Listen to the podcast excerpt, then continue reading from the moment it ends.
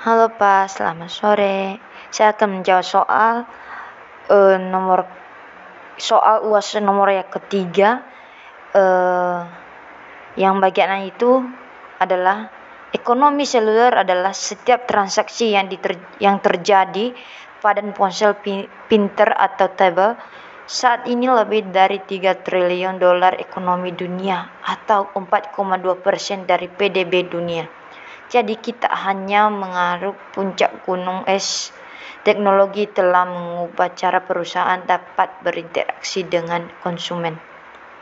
Yang C, eh, karena Indonesia merupakan negara dengan jumlah generasi muda yang cukup banyak dengan rata-rata umur 29 tahun dan terdapat sebanyak 60% dari populasi yang usianya di bawah 40 tahun dengan 150 juta pengguna internet dan 95% atau 142 juta merupakan pengguna seluler.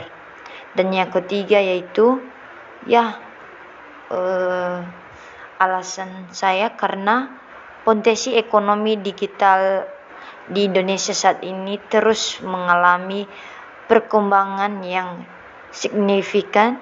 Hal ini kita dapat mengetahui dari banyaknya jumlah ekono, e-commerce yang menjamur, bahkan beberapa di antaranya mampu berkembang pesat sehingga menjadi bisnis unikol. Yang Bayaden yaitu penjelasannya gambar di samping adalah setiap transaksi yang terjadi pada smartphone atau tablet konektivitas internet adalah persyaratan utama untuk digital masyarakat.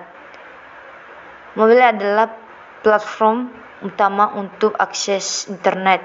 Selain itu, ekosistem seluler yang lebih luar, lebih luas menyediakan perangkat aplikasi dan layanan di mana masyarakat digital dibangun masyarakat digital mengacu pada masyarakat modern di mana warga berinteraksi secara mulus dengan berbagai aspek sosial mereka dan kehidupan ekonomi melalui saluran digital melalui jaringan perangkat yang terhubung secara cerdas dan layanan yang dapat dioperasikan.